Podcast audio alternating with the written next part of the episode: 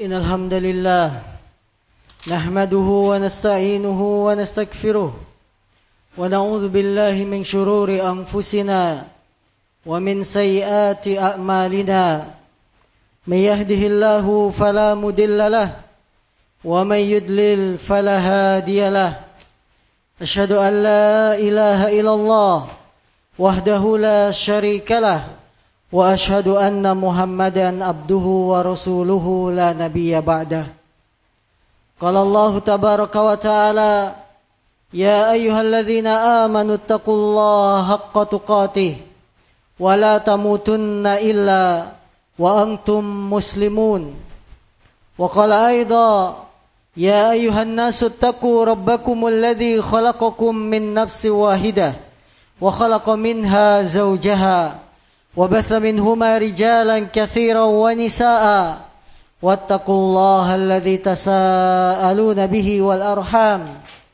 إن الله كان عليكم رقيبا فإن أصدق الحديث كتاب الله وخير الهدي هدي محمد صلى الله عليه وسلم وشر الأمور محدثاتها فإن كل محدثة بدعة وكل بدعة ضلالة wa kulla dolalatin finnar. Mahasirul muslimin sidang salat Jumat yang dimuliakan Allah. Pertama kita bersyukur kepada Allah dalam kesempatan Jumat hari yang penuh barokah ini Allah masih memberikan kesempatan kita untuk mendekatkan diri kepada Allah Subhanahu wa taala. Beribadah kepada Allah sebagai kewajiban kita sebagai seorang muslim dan hamba dari hamba-hamba Allah. Salawat dan salam tidak lupa kita sampaikan kepada nabi kita Nabi Muhammad sallallahu alaihi wasallam beserta para sahabatnya, kerabatnya dan pengikutnya yang tetap setia mengikuti beliau hingga akhir zaman nanti. Kaum muslimin, selalu khotib berpesan dengan wasiat takwa. Wasiat takwa yang merupakan kebahagiaan kita di dunia juga di akhirat. Yang ini merupakan sebaik-baik bekal seorang muslim. Ma'asyiral muslimin sidang salat Jumat yang berbahagia. Kita sering mendengar kata-kata hijrah. Seorang muslim sering mengatakan saya sudah hijrah. Apa sesungguhnya makna hijrah menurut agama dan makna hijrah yang sebenarnya? Ketahuilah bahwa hijrah secara bahasa artinya adalah meninggalkan. Sedangkan secara istilah hijrah itu adalah meninggalkan tempat, negeri yang buruk negara yang kafir menuju negara yang baik, tempat yang baik. Ini hukum asal dari kata hijrah. Para ulama mengatakan bahwa hijrah itu ada tiga keadaan. Keadaan yang pertama hijrah tempat, yaitu hijrahnya Nabi dari Mekah ke Madinah. Dan Rasulullah mengatakan, La hijrata ba'di, tidak ada lagi hijrah setelahku. Artinya kita pindah dari Mekah ke Madinah tidak ada lagi la hijrata ba'dal fatah. Ya, tidak ada hijrah pindah dari Mekah ke Madinah setelah penaklukan kota Mekah. Atau bisa diartikan hijrah tempat ini adalah kita meninggalkan tempat-tempat yang buruk. Tempat-tempat yang tidak bisa kita menegakkan agama. Bila seorang muslim misalkan tinggal di negara kafir, dia sendirian tidak punya teman, Sholat lima waktu saja susah, maka dia wajib hijrah alias pindah ke tempat yang lebih baik demi mempertahankan agamanya. Kedua, yang disebut dengan hijrah amil, orangnya. Apa maksudnya? Yaitu seorang hijrah dari keadaan yang sebelumnya berbuat syirik menuju tauhid dari keadaan yang sebelumnya berbuat maksiat menuju ketaatan. Ini juga disebut dengan hijrah. Rasulullah mengatakan al-muhajir man hajara mimma haramallahu alaih. Orang yang hijrah sejatinya kata Nabi adalah yang meninggalkan apa yang Allah haramkan kepadanya. Sehingga kaum muslimin, kalau sekarang kita mengaku sudah hijrah, sudah berpaling dari maksiat menuju taat, tinggalkan apa-apa yang Allah haramkan. Dulu kita sering menenggak minuman keras, sekarang ngaku hijrah, tinggalkan. Dulu kita sering bermain wanita, sekarang sudah ngaku hijrah, tinggalkan. Jadi hijrah itu bukan sekedar kata-kata manis mengikuti tren. Sedang ngetop-ngetopnya artis pakai jilbab, semuanya pakai jilbab. Bukan.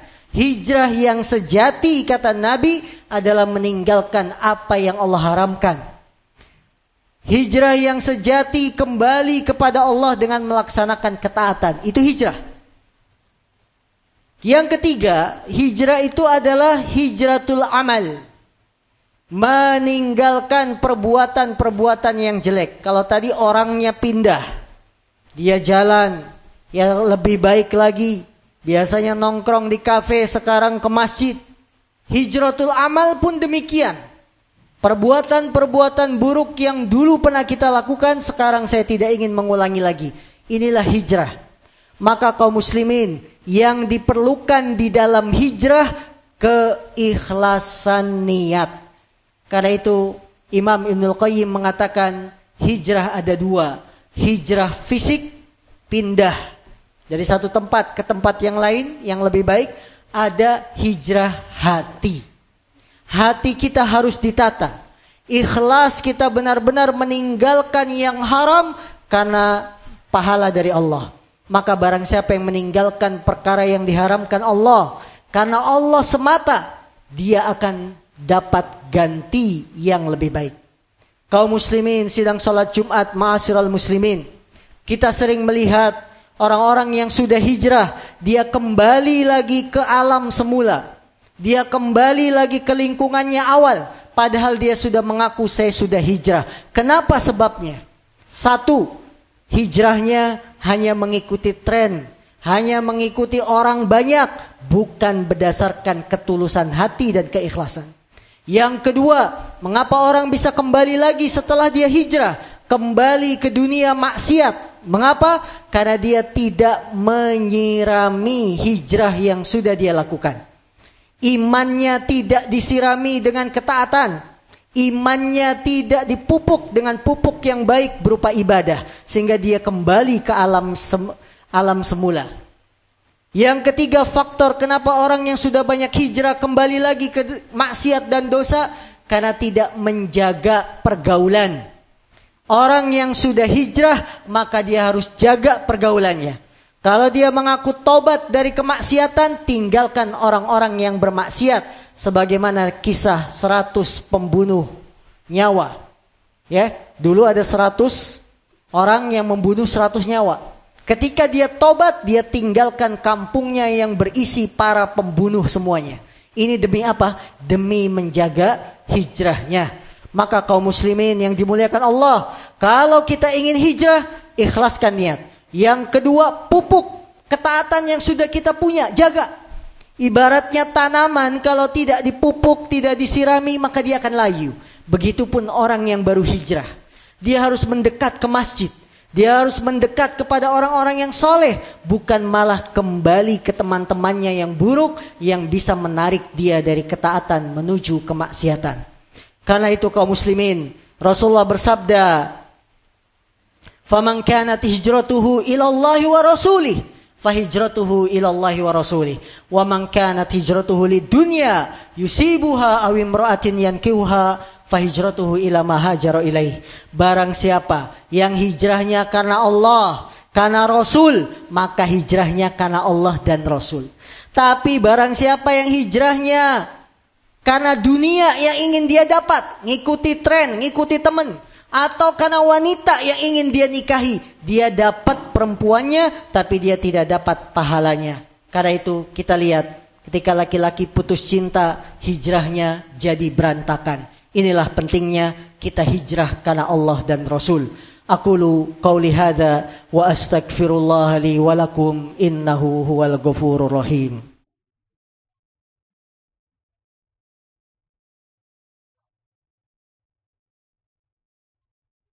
hamdan kathiran tayyiban mubarakan fih kama yuhibbu rabbuna ashhadu an la ilaha illallah wahdahu la syarikalah واشهد ان محمدا عبده ورسوله اللهم صل وسلم على نبينا محمد وعلى اله وصحبه ومن تبعهم باحسان الى يوم الدين kaum muslimin sidang salat Jumat yang dimuliakan Allah mulai hari ini mulai detik ini mari kita bersama-sama hijrah karena Allah dan Rasul kita tinggalkan dosa-dosa dulu yang pernah kita lakukan sampai kapan kita akan lalai Sampai kapan kita akan lupa kepada Allah?